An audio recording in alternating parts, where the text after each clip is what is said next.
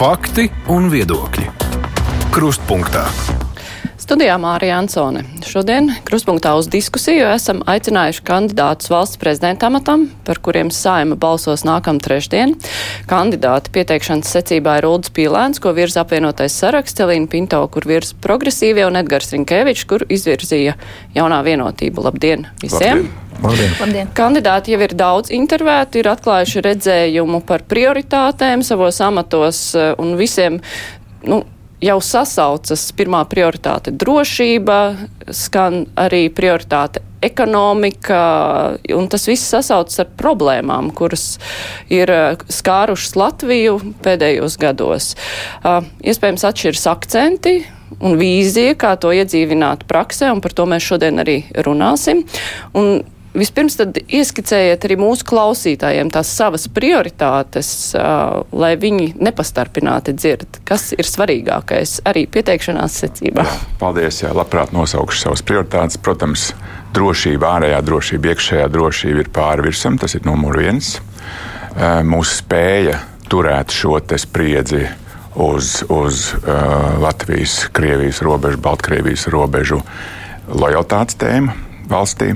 Otrā prioritāte ir tautsēmniecība viņas plašākā iespējamā aspektā, ne tikai ekonomika, ne tikai eksports, ne tikai investīcijas, bet arī sociālā puse, eh, labklājības puse kā tāda. Un trešā lieta ir reģionāla attīstība. Ar tik neproporcionālu reģionālu attīstību, kā mēs šobrīd turpinām iet nākotnē, mums visreālāk neizdosies sasniegt tos mērķus, ko mēs visi kopumā cerām uz labklājīgāku un, un skaistāku Latviju. Pinto kundze. Mana fundamentāli dziļa pārliecība par, par Latviju ir, ka Latvija ir kā droša, radoša un mūsdienīga Ziemeļa Eiropas valsts ar cilvēku mūsu risinājumu centrā. Drošības ziņā Es domāju, mums visiem trim ir uh, skaidra un principiāla nostāja attiecībā uh, pret Krieviju un mūsu ģeopolitisko situāciju, bet es uzsveru arī cilvēku drošības uh, aspektu, kas nozīmē, ka kat, es vēlētos 2027. gadā lepoties ar to, ka Latvijā katrs cilvēks, katra ģimene var justies pasargāti un droši, neatkarīgi no tā, kāds ir dzimums, identitāte un dzīves pieredze. Un strikti iestāšos arī par vardarbības izskatu izskaušanu mūsu sabiedrībā.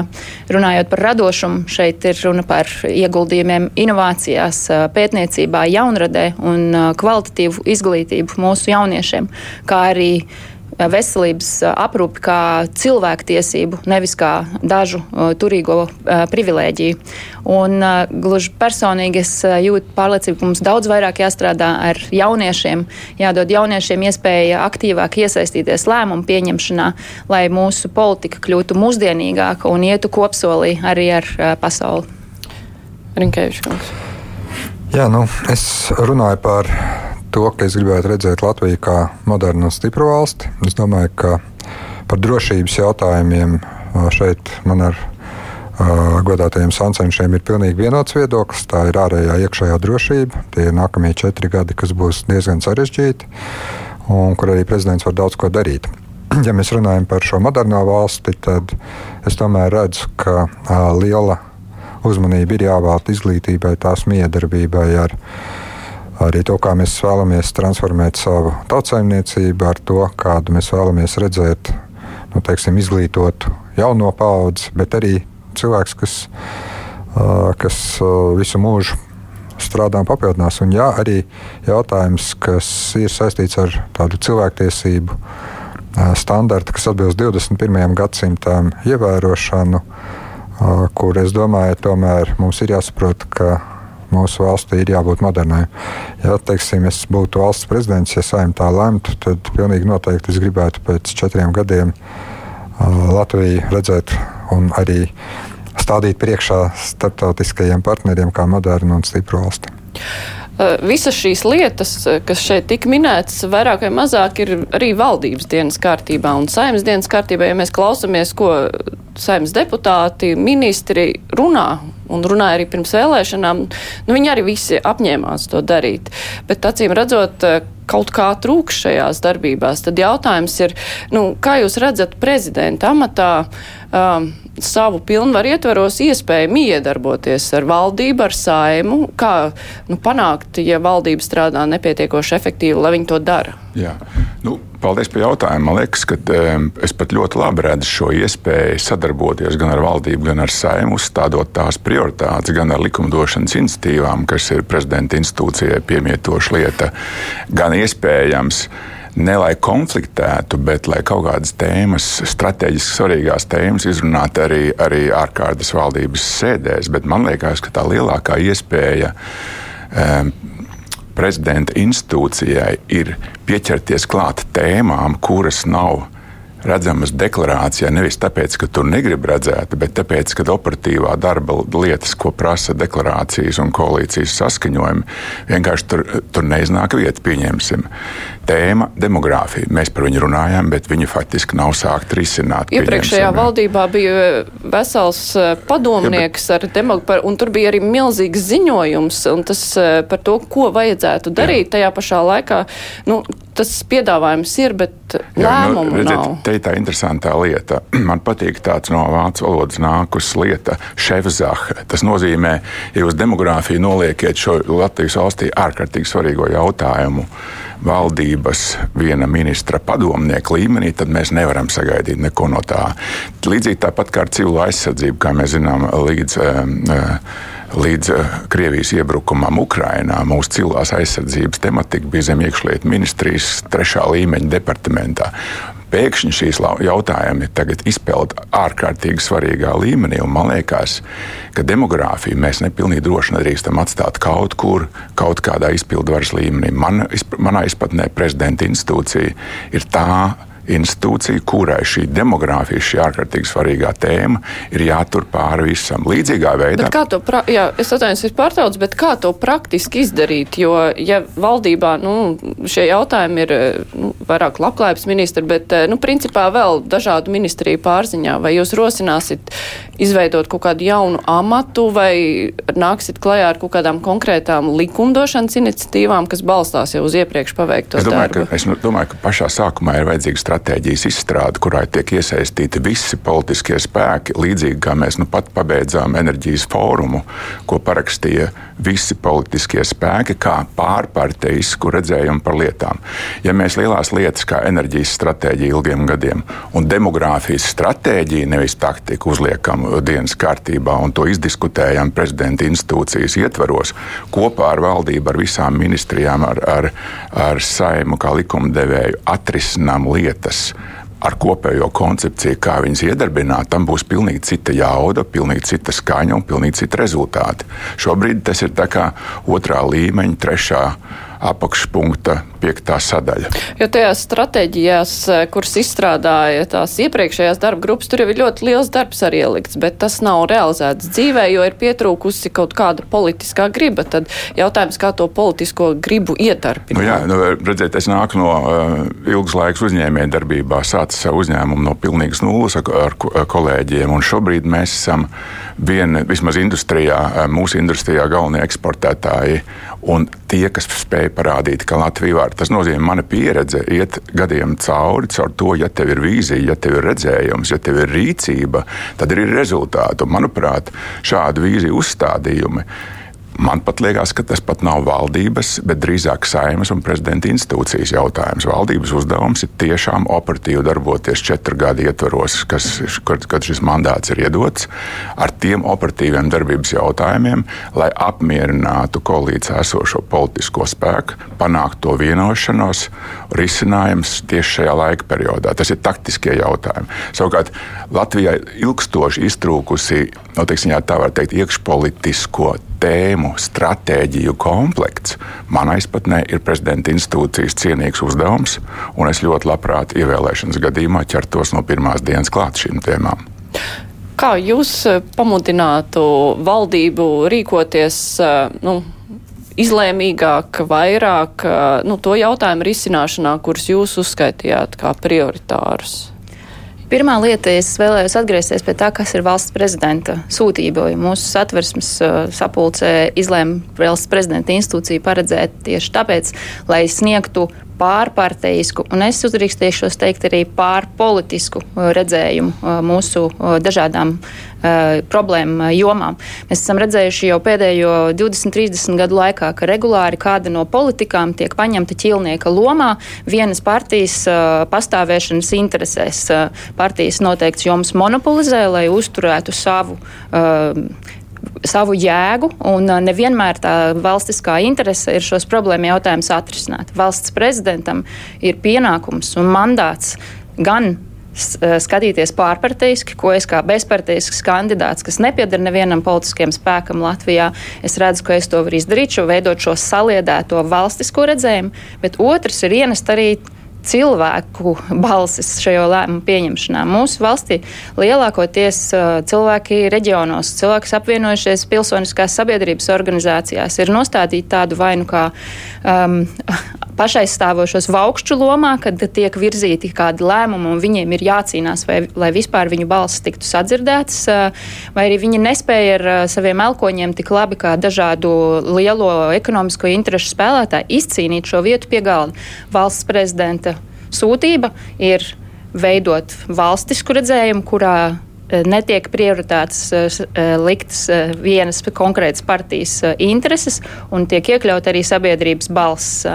Un šo mēs varam izdarīt dažādos formātos, gan nepieciešams gadījumā, protams, iedarbinot ārkārtas Valdības sēžu sasaukšanu, kad ir jautājumi, kas prasa nekavējošu rīcību un skaidru plānu, gan arī strādājot ikdienā ar pilsonisko sabiedrību, ar cilvēkiem reģionos un ar politiskajām partijām, lai veidotu šo konsensu, ka ir jautājumi, kas ir mūsu valsts pastāvēšanas priekšnosacījums. Es šo esmu redzējis, cik veiksmīgi Luksemburga īsteno teiksim, konkrētu strateģisko mērķu nospraušanai. Visas nozares sakļaujas ap to. Tiklīdz piemēram, viņu politikas pamatā ir bijis uzsvers, ka, piemēram, ekonomikas jautājumi ir nacionāls konsensus, ir jābūt stabilitātei, skaidram regulējumam, skaidram investīciju plānam. Neskatoties uz valdības maiņām, šis princips ir uzturēts un tas nes augļus. Jā, piekrīt Pinto kundzei, simt punkti. Jā, bet nu, es saprotu, ka pie prezidenta galda jūs aicināsit eh, arī nevalstiskos organizācijas ekspertus, un uh, visi viņi tiks uzklausīti, bet viņi ir jādabū arī pie valdības galda lai viņus uzklausa arī tur. Un jūs varat sasaukt ārkārtas sēdi, bet kā jūs varat eh, piespiest valdību izlēmīgi rīkoties? Vai arī nu, ir kaut kādas robežas, kur prezidents vienkārši nevar, viņš jau neies tā kā vagars ar pātagu? Pirmais šeit, manuprāt, ir iedibināt mūsdienīgu uh, sociālo un pilsonisko dialogu. Tātad šobrīd mēs redzam, ka valsts budžeta lēmumi, arī lēmumi par uh, Latvijas strateģiskajām ekonomiskiem jautājumiem tiek pieņemti sociālā dialoga formā ar darba devējiem, darba no arotbiedrību pārstāvjiem, valdības pārstāvjiem. Es redzu, ka šo ir būtiski arī papildināt ar pilsonisko partneru iesaisti vidas un dabas organizācijas, kuras rada šo spiedienu no klimata perspektīvas. Arī, piemēram, vecāku organizācijas, eh, senioru organizācijas, mūsu pretkorupcijas organizācijas, kurām ir tikpat nozīmīga loma, lai uzturētu sabiedrības interešu pārstāvju lēmumu pieņemšanā es paļaujos, ka mūsdienīgai valdībai ir jābūt spējīgai atsaukties uz sabiedrības uh, un mūsu ekonomikas spēlētāju uh, norādēm par to, kas ir akūti vajadzīgs. Un valsts prezidentam, es uzskatu, miera laikos ir tāda, ka toņdakšas loma uz, uzra, uz, uzrādīt šo toni ar vēstījumiem un sist uh, takti, piemēram, atgā, regulāri atgādinot politiķiem par viņu solījumiem. Bet ir situācijas, kad tā dakša tomēr jau kļūst par sienu dakšu un ir uh, jāķers arī uh, pie striktākiem soļiem, kas jau ir satversmē arī minēti, kā darbs ar, gan ar likumdošanas iniciatīvām, gan arī uh, ar valdības uh, sēžu sasaukšanu.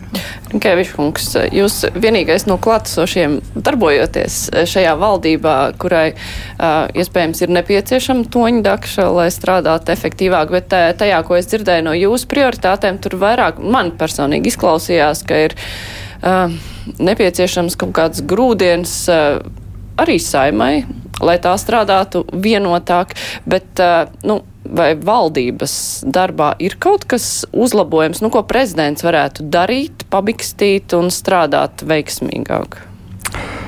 Man patiesībā sakot, ir prieks, ka man jārunā pēdējiem, tāpēc, ka lielā mērā jau tas, ko kolēģi izstāstīja, ir tas labais un tas ideālais variants, kā būtu labi. Tik tā nelaime, protams, vienmēr ir tā, ka jebkura lēmuma pieņemšana tas nav tikai ka mēs pasakām, šis ir skaistais mērķis, piemēram, klimata mērķi, un mēs uz to iesim, un vidas uh, un klimata draugi uh, tiek uzklausīti, bet tad rindā sastājās mežūpnieki, sastājās lauksaimnieki, sastājās vēl. Un tad patiesībā sakot, tā ir tā lielā diskusija, manuprāt, sabiedrībā un līdzsvarot lēmumu atrašanu. Tas ir viens, jo redz, uh, diemžēl, vai par laimi, es nezinu, vai, tas darbs valdībā man šobrīd nāk kā, kā tāds zināms uh, dzirnakmens kaklā, vai tomēr tāda lielāka pieredze.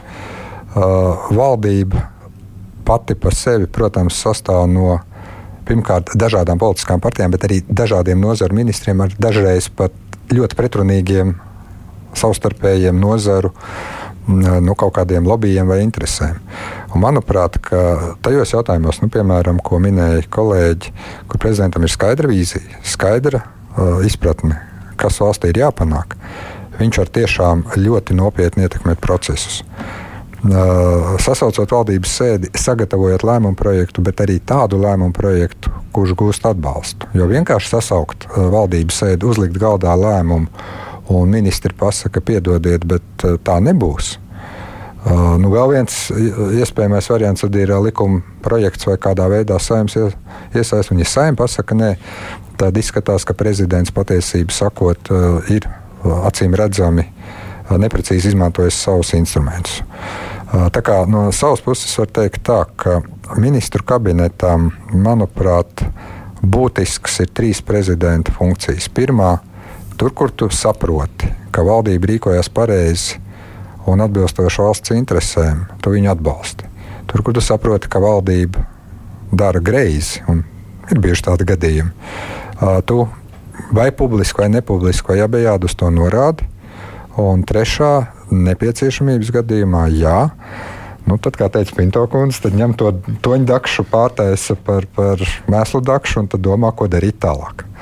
Uh, bet tas ir ļoti situatīvi. Katrā gadījumā es teiktu, es tomēr pieturētos pie tādām ļoti būtiskām vienām vai divām prioritātēm, strādāt uz tām, jo prezidents nevarēs aizstāt valdību visos jautājumos. Prezidents var kaut kādos krīzes gadījumos prezidents var iet ar savu stratēģiju.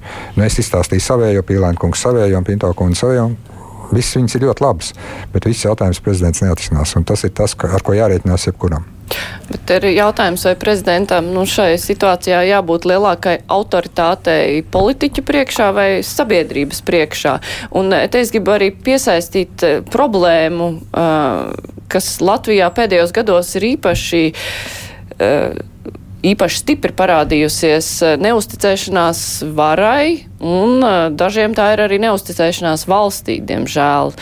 Tad eh, jautājums, vai prezidentam ir drīzāk jābūt autoritātei politiķu acīs vai sabiedrības acīs? Viennozīmīgi sabiedrības, jo politiķi ir tā pati sabiedrība, tikai viņas esence, tie aktīvākā cilvēki, kuri caur politiku grib Latvijā, es pieļauju visu darīt kaut ko labu, katrs savādākā veidā. Bet man liekas, tas ceļš, lai mēs atgūtu ticību politiskām partijām, politiskām institūcijām, valdībai, saimai, man liekas, ka prezidenta institūcijai ar pareizu pieeju, ar integrēšanos ļaužu problēmās, katrā novadā atsevišķi saprast to sāpi, viņš faktiski var tuvināt ar pareizu politiku, ar, ar jūtīgu politiku, ar daudz kontaktiem, ar, ar tikšanās ar cilvēkiem, uzzināt šo sāpes, sāpes elementiņus. Manā izpratnē tas nākt visai sistēmai pa labu. Tā, jā, un prezidenta jā. autoritātei ir liela nozīme. Tas nozīmē gan to, ko viņš ir dzīvē izdarījis, gan to, ko viņš taisās darīt, gan to, kāds ir redzējums. Lai saprastu, nu, savā veidā tas ir drusciņš arī tāpat kā uzņēmuma liela sarežģīta vadītājs, viņš ir nedaudz arī psihoterapeits attiecībā uz mērķiem un uz to, jo man liekas, ka šobrīd visvairāk Latvijai pietrūkst tā cilvēkos cerība par nākotni. Un man liekas, ka ir jāstrādā gan vienā virzienā, pragmatiski ar saimu un valdību par šiem saturiskiem elementiem, par dienas kārtības maiņu. Arī šeit prioritāte ir prioritāte šīs, ko, ko prezidenta institūcija var izvirzīt dienas kārtībā. Viņas pamazām var nomainīt savu laiku pagājušās dienas kārtības. Un otrs sadaļa ir strādāt ar Latvijas sabiedrību visā viņas plašumā, visā viņas sarežģītības pakāpē, lai pamazām atgrieztu cilvēkos, kas ir zaudējuši ticību valstī vai, vai savam novadam vai, vai, vai Latvijai kopumā, lai atgriežtu šo ticību. Jo dzīvot bez cerības un ticības un skatīties uz nākotni, tad tā nākotne nav laba. Prezidents var caur sevi uh, šo uzticību atjaunot. Uh, tajā skaitā ne tikai uh, prezidenta institūtam, bet arī pārējiem varas atzariem. Mana pieredze OECD rāda, ka Latvijā ir traģiski zema uzticēšanās uh, valstīm, valsts amatpersonām. Tā ir līdzīga kā Kolumbijā, kur 20 gadus ir noritējis pilsoņu karš. Uh, mums ir uh, ne tikai jāvairo ticība, bet ir jāvairo fakti, kas rāda, ka cilvēkiem cilvēku viedoklim ir nozīme lēmumu pieņemšanā. Tas nav par kādu tādu ezotērisku pārliecību, ka viss ir un būs labi. Tas ir tiešām par rezultātiem. Un, un valsts prezidentam tā tad ir svarīgi gan uztaustīt to pirkstu galu sajūtu, kas ir mūsu sabiedrībā, gan arī nest skaidru vēstījumu pie politiķiem par to, ka solījumi ir jāpild. Es nevainoju Latvijas cilvēkus par to, ka viņos ir rūkums, tāpēc ka mēs ļoti bieži esam redzējuši, ka tiek doti solījumi gan par finansējumu, gan par kādiem citiem risinājumiem, kuri pēc tam vai nu tiek atrasts veids, kā attaisnoties, ka tas šobrīd nav iespējams, vai arī uh, piemēram, pat pielīgta nauda netiek nodota tiem mērķiem, kā mēs redzējām valsts uh, kontrolas nesenajā ziņojumā, ka bērni ar autismu pat nav varējuši saņemt to naudu, kas viņiem ir piešķirta. Tad mums ir valsts prezidentam ir šī sviras loma uztaustīt, uh, skaidri paust sabiedrības gaidas, bet arī pārliecinoši un prasīgi iestāties par solījumu izpildi. Rikēvičs kungs, nu, šis amats, kas jums tagad ir valdībā, no vienas puses tas saistās ar to, ka nu, cilvēki neusticās valdībai, no otras puses eh, jūs personīgi esat eh, viens no populārākajiem ministriem. Eh, tad šis amats jums tagad ir kā bonus vai kā, um, mīnus, lai risinātu jautājumu par sabiedrības uzticēšanos varai? Mana godīga atbilde, es nezinu, bet es gribētu vairāk uh, reflektēt uz to, ko teica Pīlēna kungs. Es pilnīgi piekrītu īstenībā tam, ka tikai prezidents ar autoritāti sabiedrībā var nopietni ietekmēt procesus. Jo tad būsim godīgi, bet no viņa mazliet baidīsies. Tā pašā laikā uh, ir divas lietas, kas ir svarīgas. Prezidentam, ja viņš tiešām vēlās panākt savu likumdošanas iniciatīvas pieņemšanu saimā. Nepietiek vienkārši uzrakstīt ļoti labu, perfektu likumprojektu, aizsūtīt uz saimu. Sabērzēt rokas un teikt, nu tad jūs tur ņematies. Nē, uh, ir jāsagatavo uh, šim likumprojektam augsne pirms iesniegšanas, jāsaprot, uh, kas ir tomēr tie zemūdens akmeņi. Ir jāstrādā ar politiķiem. Nu, tas ir gan vairāk kancelēs un padomnieku uzdevums, lai izietu cauri soli pa solim, komisijām, lasījumiem un visam pārējiem. Un tu nekad nevari būt pārliecināts, ka kādā pēdējā mirklī kāds vēl nemēģinās tavu likuma projektu kārtīgi uzlabot tā, ka tu vairs viņu neatpazīs. Tā kā arī politiskā procesa pārzināšana un sadarbība ir svarīga. Un pēdējais, um, tas, kas gan ir ļoti svarīgi. Jā, es līdz, līdz galam dažreiz nesaprotu, kas ir tie uh, daudzie varbūt uh, parametri, kāpēc tiešām ļoti daudzām valsts institūcijām ir zemi. Tā saucamie reitingi, un ir atkal atsevišķas institūcijas, kurām viņi ir augsti. Bet, manuprāt, te ir divas lietas, ko prezidents noteikti var darīt, skatoties no visas valsts pozīcijām. Pirmā, tiešām uh, klausīties un mēģināt pārveidot uh, teiksim, to, ko ir dzirdējis no cilvēkiem konkrētos priekšlikumos valdībai. Bet otra lieta, kur ir tā bīstamība, kas var arī vēl vairāk beigās sagraut uzticību valstī, ja prezidents pēkšņi vienā brīdī iedomāsies sevi par milzīgu konkurentu saimai valdībai, mēģinās uz citu rēķina kā, nu, celt to savu autoritāti un reitingu, un beigās nebūs ne to priekšlikumu cilvēki redzēs, ka ir kaut kādi nepatīkami strīdi, un beigās vēl vairāk teiks, nu, jūs tur tā Rīgā tieciet paši savā galā. Neviens no jums nav īsti prātīgs. Ļoti, ļoti tāda nu, sarežģīta tēma jebkuram prezidentam. Bet, nu, labi, bet, eh, ja mēs paskatāmies uz pašreizējo valsts prezidentu Egilu Levitu un viņa reitingiem, eh, sākumā gaidas bija arī milzīgas. Eh, prezidents solīja būt visas tautas prezidents, un katrs to laikam saprata savādāk, un tāpēc daudz, daudz cilvēku gaidas netika apmierināts. Bet, nu, tomēr šī reitingi ir zemi kaut kāda iemesla dēļ, bet vai jūs esat mēģinājuši analizēt, kāpēc? Un, nu, lai neuzkāptu uz tiem pašiem grābekļiem, jo, nu, taču nevar pārmest, ka Levita kungam trūktu gan redzējuma, gan eh, nu, kaut kāda zināšana, un padomnieku arī viņam ir gana daudz. Tad kur, kur bija tā problēma? Nu, protams, tas ir jāskatās. Nu, katram varētu būt savs viedoklis šajā jautājumā. Manuprāt, tā bija izcila, eh, izcila runa pirmā. Tad faktiski ar runu viņš startēja, kad es arī mājās klausījos, oh, izskatās, ka būs. Bet tā nākamā lieta, kas pēc tam lēnām izveidojās, tas kontakts ar Latvijas sabiedrību, viņam jau jābūt tādam izjustam, viņš nedrīkst būt formāls. Tad, nu, tev ir jāuztver apusē, tas, ir, tas ir pēc būtības tāda apusēja. Ja sapratni par lietām, un lai to uztvertu, ja, lai tu būtu visas, visas tautas prezidents, tev ir jābūt ļoti, ļoti tuvu tautai, ar visu to izpratni kā tādu. Un man liekas, kaut kur aizgāja nedaudz šajā dimensijā uz, uh, prom tā tēmiņa. Citas lietas, kas, uh, kur ir kaut kādas likumdošanas iniciatīvas par vēsturiskām zemēm, tā jau šī dimensija jau strādāja ļoti normāli. Varbūt tās prioritātes varēja būt savādākas, jo šobrīd, kad mēs attopamies kā Baltijas reģionā valsts ar vismazāko investīciju piesaisti, kas manā izpratnē ir gan ārlietu ministrijas, gan prezidenta institūcijas, viens ļoti, ļoti nozīmīgs darbs, ir īpaši, ja mēs atrodamies atpalicējos.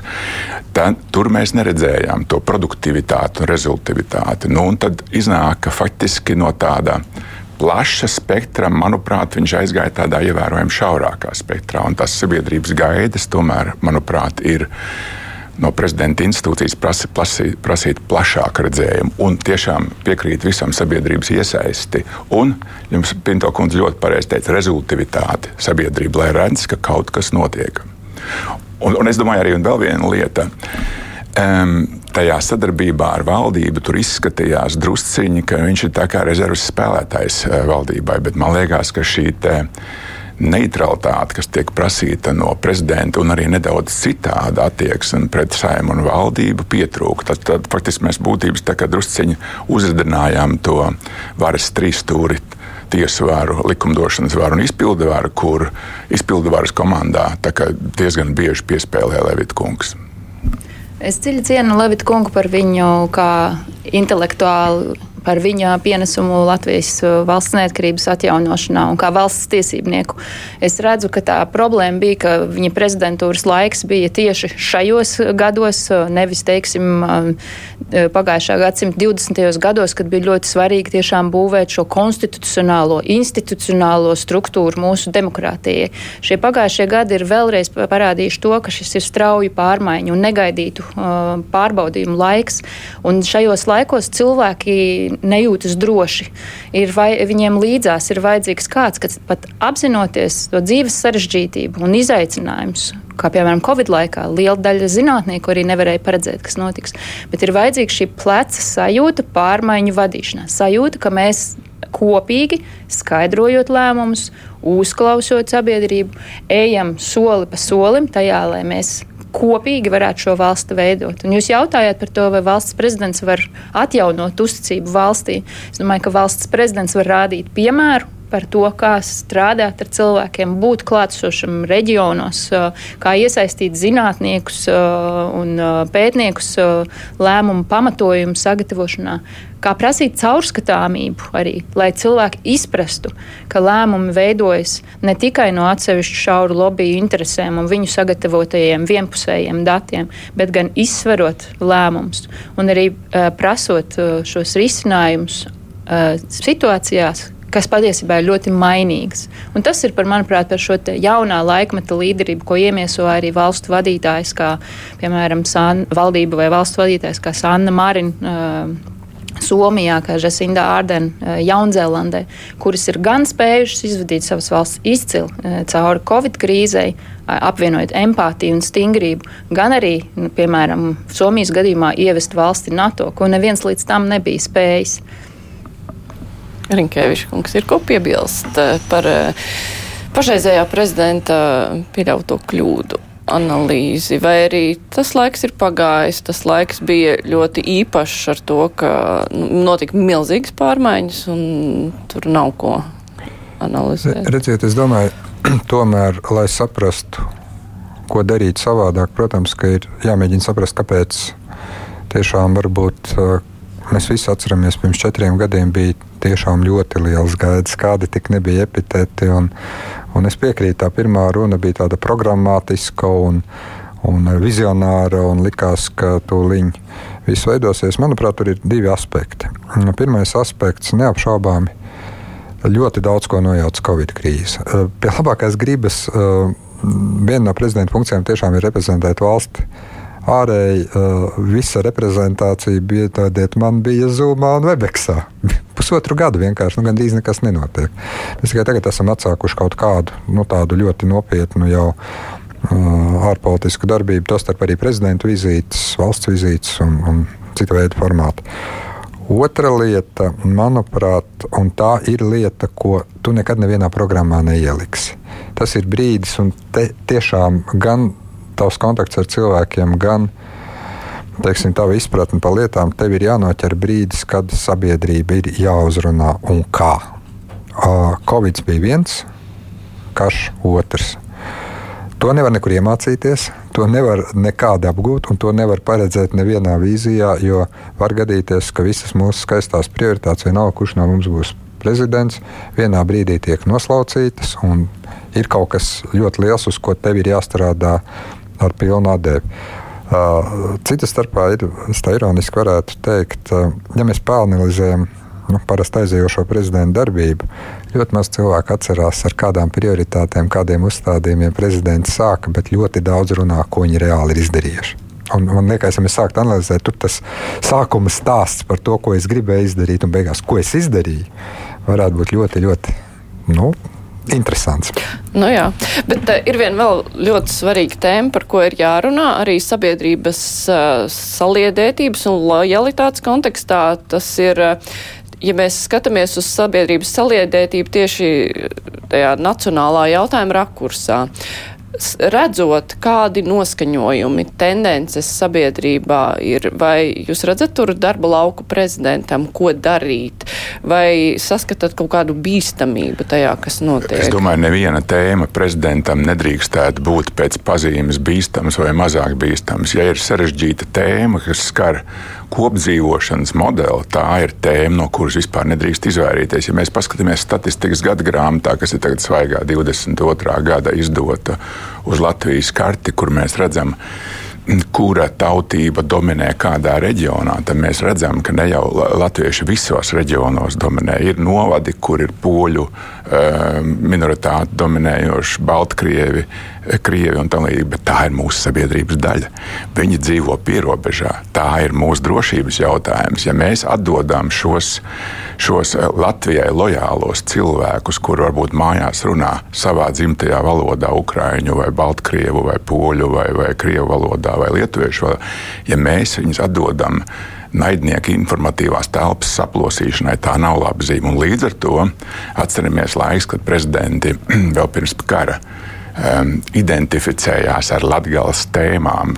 Es domāju, ka tā ir lieta, es arī zinu, jo mūsu visos reģionos ir uzņēmumi, tā izskaitā latgalē, ar cilvēkiem vienkārši ir humāni jāstrādā, un tad var dabūt to kontaktu un palielināt to lojalitāti. Ne, nedrīkst izvairīties no problēmām, viņas ir jārisina, viņas ir jāpalīdz risināt, ja gadījumā ir kaut kur nepieciešams, bet ir ārkārtīgi svarīgi jāsaprot, ap ko mēs koncentrējamies. Mēs koncentrējamies ap vienu valsts valodu, latviešu valodu. Tas ir visiem jābūt. Ja kāds e, 30 gados nav iemācījies valodu, ir ārkārtīgi, ārkārtīgi žēl par šādām lietām.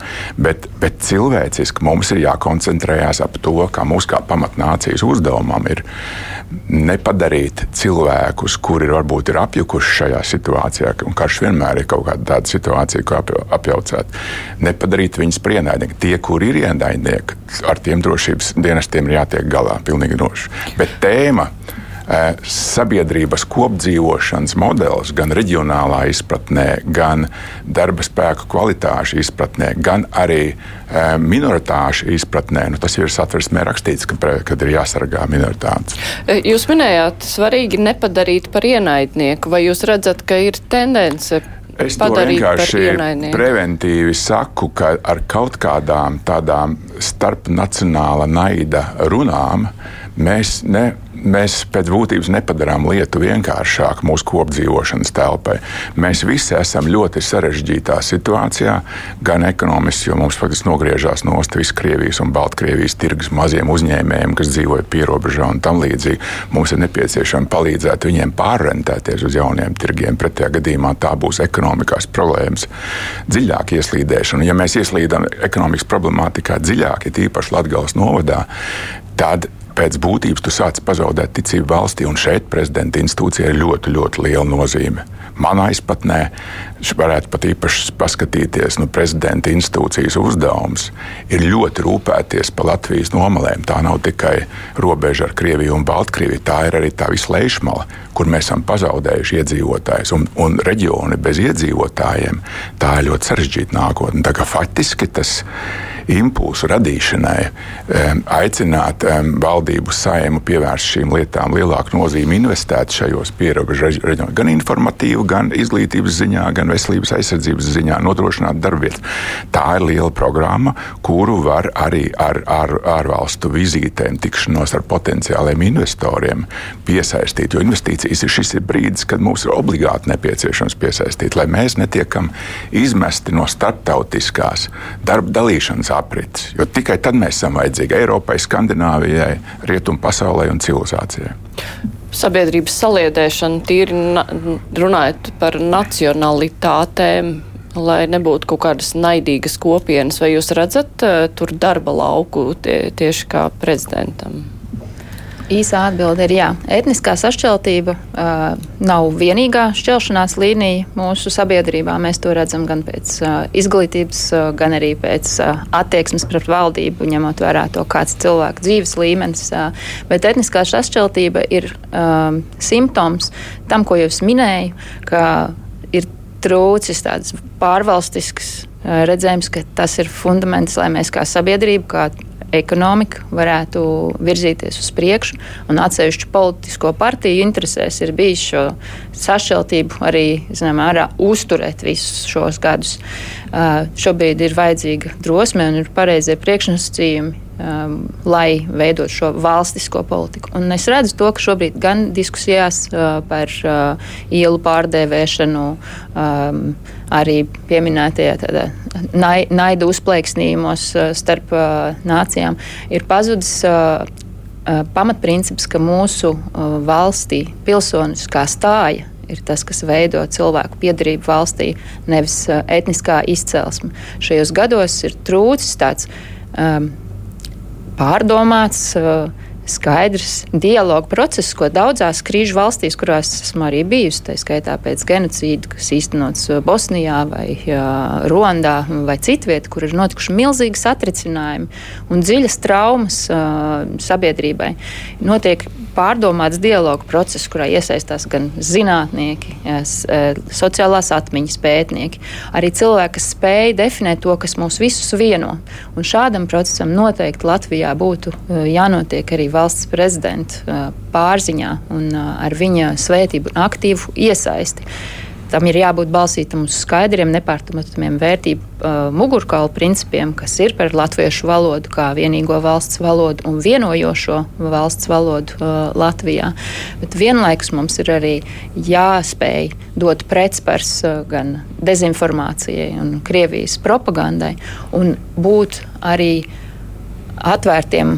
Uh, uzklausīt uh, tās sasāpējušās problēmas, kas uztur šo uh, šķelšanos. Uh, un šeit es redzu, ka valsts prezidents gan pats ar aktīvu iesaisti, gan šo procesu izveidojot, var būt tas spēks, kas palīdz mums koncentrēties uz tām lietām, kas mūs vieno, atzīt pāri nodarījumus, kas vēsturē ir notikuši pret latviešu tautu, bet vienlaikus arī skatīties nākotnē un piedot to, eh, kas ir noticis pēc šīs atzīšanas. Eh, jo mums svarīgi šobrīd ir atspērties un uz drošiem, stabiliem valsts eh, pamatprincipu pamatiem skatīties arī rītdienā. Tā mēs būsim drošāki gan no Krievijas apdraudējuma, gan arī spēcīgāki ekonomikā.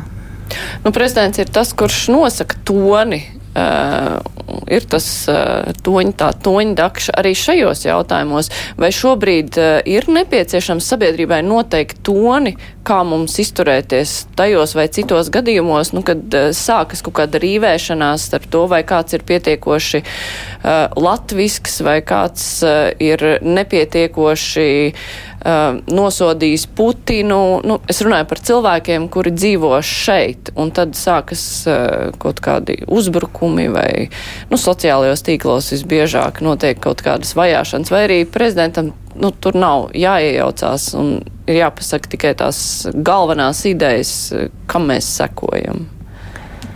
Es domāju, ka prezidentam noteikti jānosaka tas tonis.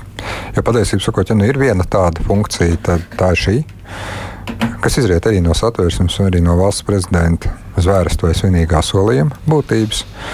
Bet es teiktu tā, ka redz, tā nevar būt uh, situācija, kurā kā Runis Leopolds no slavenās savu laiku multfilmas izsaka, dzīvosim draudzīgi. Tu vari dzīvot draudzīgi uz noteiktiem principiem. Jo, diemžēl, tas, ko pagājušā gada notikumi, Krievijas agresijas, pilnas agresijas sākums Ukrajinā un tagad notiekošais karš parādīja, ir, ka nu, ne visi mēs domājam vienādi.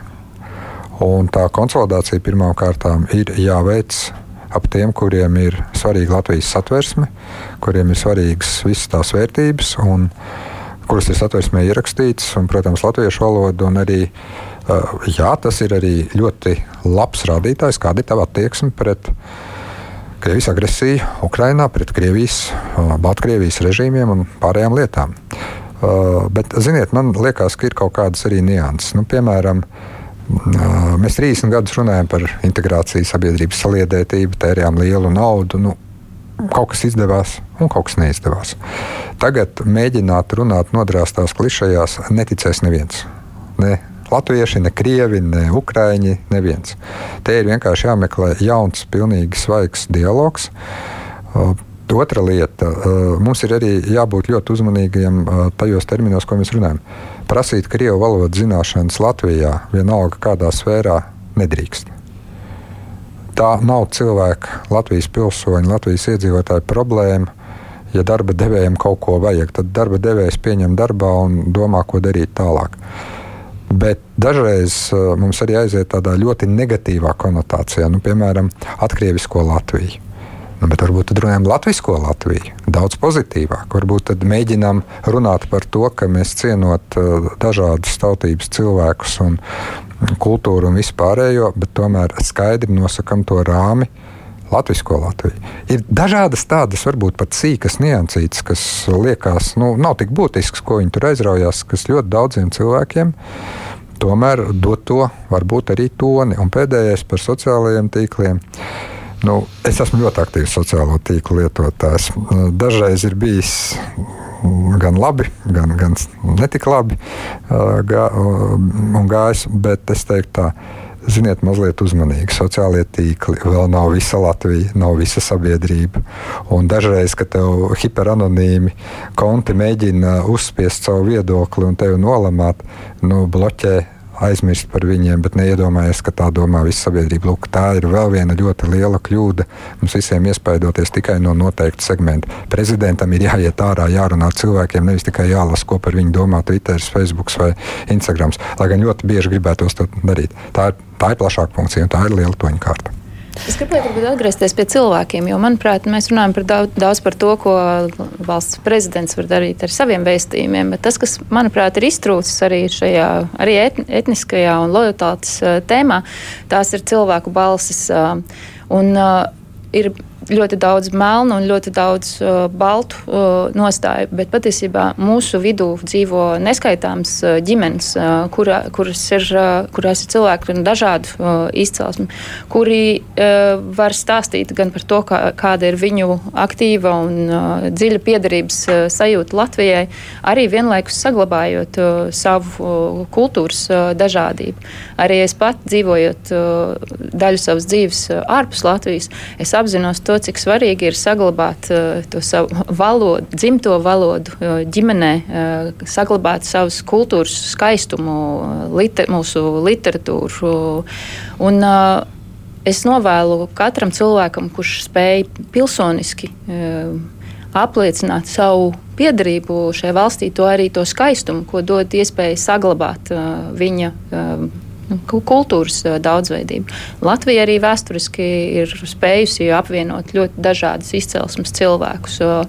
Un šobrīd Krievijas karš Ukrainā mums ir varbūt līdz arī mazliet aizmirst to, ka ir ļoti liela daļa mūsu sabiedrības, kas ir jau savā dzīvē, savā ikdienā iemiesojusi to, ko mēs vēlamies veidot kā Latvijas uh, drošas un uh, valstiskas pastāvēšanas nosacījumi. Tā ir šī spēja apvienot pilsonisko uh, cieņu un uh, attieksmi pret Latvijas satversmes vērtībām, bet vienlaikus arī spēju uz, uzturēt šo kultūras uh, dažādību. Jā, bet mums ir jāpaspēj mazliet arī par politisko. Mums ir dažas minūtes, cik palikušas. Agri vai vēlu prezidentam būs jānominē kāds premjera kandidāts. Ja ne šajā saimā, tad nākamajā. Kas ir galvenie principi, pēc kuriem vadīties, vai tur ir sarkanās līnijas, kam jā, kam nē? Nu, es domāju, ka mums jau ir eh, ministra prezidents un patreiz jā, nekas nav jānominē. Saimā nu, tad, kad būs. nonāksim līdz nākamajai saimai, teiksim, es, es ļoti ceru, ka mm, koalīcijas darbs būs sekmīgs. Man aizpatnē tā ir labākā iespējamā koalīcija, kāda varētu būt šim laikam. Es ceru, ka valdība strādās stabili, efektīvi un ar prezidenta institūcijas iesaist, savstarpēju iesaist. Mēs pamainīsim gan prioritātes, gan efektivitāti. Jo gala mērķis iepriekšējai diskusijai jau bija īstenībā atslēgas vārds labklājības celšana. Caur turieni arī, ar, arī sabiedrības konsolidācija gan ap valsts eh, valodu, latviešu valodu, gan ap valsts kā jēdzienu, gan patriotisms vairojās. Un līdz to man liekas, tā nākamā, eh, pēc nākamās sēmas, jeb, jeb nākamā ministra prezidenta izvēle profesionālākais iespējamais ar šo vērtību sistēmu, to, ko politiskās partijas pašas spējas piedāvāt. Bet eh, nu, parasti vienmēr tiek novilktas kaut kādas sarkanās līnijas. Šajā saimā tā ir partijas stabilitāte, ar kur neviens negrib sadarboties. Uh, ir uh, partijas, kuras ir pateikušas nē partijai, kas nevar atteikties no sadarbības ar Aivaru Lembergu. Vai šādas sarkanās līnijas jums eksistē? Man liekas, ka šobrīd saimā. Šobrīd saimnieks darbojās stabili, ko, koalīcija darbojās stabili, valdība darbojās stabili. Varētu būt efektīvāk, bet absolūti stabila. Man liekas, ka tepat nav vietas tādai diskusijai.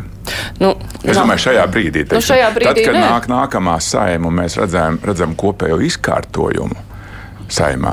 Nu, tad skatāmies, kas notiek tālāk. Jā. Nu, katrā saimā vienkārši ir jā, bijušas tādas. Es saprotu, saprotu jā, bet. jā. Labi, Pintaukundze, vai jums būtu kādas sarkanās līnijas, nu, ja ir jālemj par to, ko nominēt, vai arī tīra matemātika partijas, kuras spēja vienoties, tās arī veido valdību ar pašas izvēlētu premjeru, un eh, prezidentam principā ir tāda tehniska funkcija tikai nominēt kādu? Šķērsosim to upi, tad, kad pie tās nonāksim, bet tas, kas, ko es jau šobrīd zinu, ka ir jāvadās pēc skaidriem uh, principiem un uh, fundamentāli ir tas, ka valdība ir skaidra, nepārprotama nostāja uh, rietumnieciskas uh, mūsu piedarības ziņā un atbalstā Ukrainai uh, un prasīgums uh, par to, lai uh, Krievija saņem taisnīgu uh, tiesu par saviem nodarījumiem uh, Ukrainā. Otrs uh, apsvērums ir par rīcību. Mēs redzam to, ka Latvija tomēr, diemžēl, ir iepalikusi daudzos uh, rādītājos, uh, gan par ienākumu nevienlīdzību, par uh, veselīgas uh, dzīves uh, gadu ilgumu un uh, inovāciju jomā arī. Ir, valdībai ir jāspēj rādīt gatavība un, uh, un prasīgums uh, dot šo uzrāvienu, lai risinātu to iepalicību, kas diemžēl uh, ir stagnējusi pēdējos gados. Un pēdējais, tiekšam, ja, ja tas būtu tuvākajā laikā uh, darāms, es noteikti sagaidītu arī, ka premjeru kandidātam ir ļoti skaidrs nostāja arī iepratim uh, korupcijas uh, izskaušanai, uh, jo tā, tā ir arī viena no sērgām, kas uh, sagrauž gan mūsu ekonomiku, gan cilvēku uzticēšanos uh, valstī. Un kā ar jums, Rinkēviča kungs? Es teiktu, ka Manuprāt, tomēr ir noteikts kritēriju kopums, kur pat ja matemātiski viss skaisti sanāk, politiski tomēr ir svarīga, būtiska nianses. Un tas ir tomēr, kāda ir partijas attieksme pret tiem pašiem manis minētajiem būtiskajiem ārpolitikas drošības jautājumiem. Piemēram, man būtu grūti atbalstīt premjera kandidātu vai valdību, kas teiktu, samazināsim šajos apstākļos aizsardzības izdevumus, novirzot tos citur. Es saprotu daudzas nianses, bet, piemēram, šāds jautājums man būtu, jo tas ir šobrīd valsts drošības būtisks jautājums.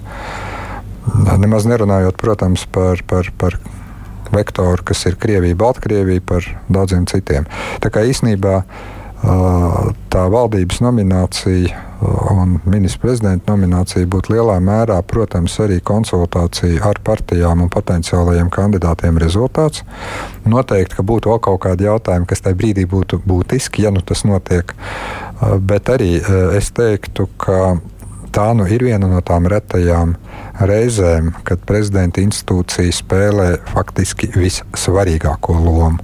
Un, uh, teiksim, nosargāt tos, tos pamatkritērijus, pamatkursus, tajā brīdī tā jau ir primāri prezidenta atbildība.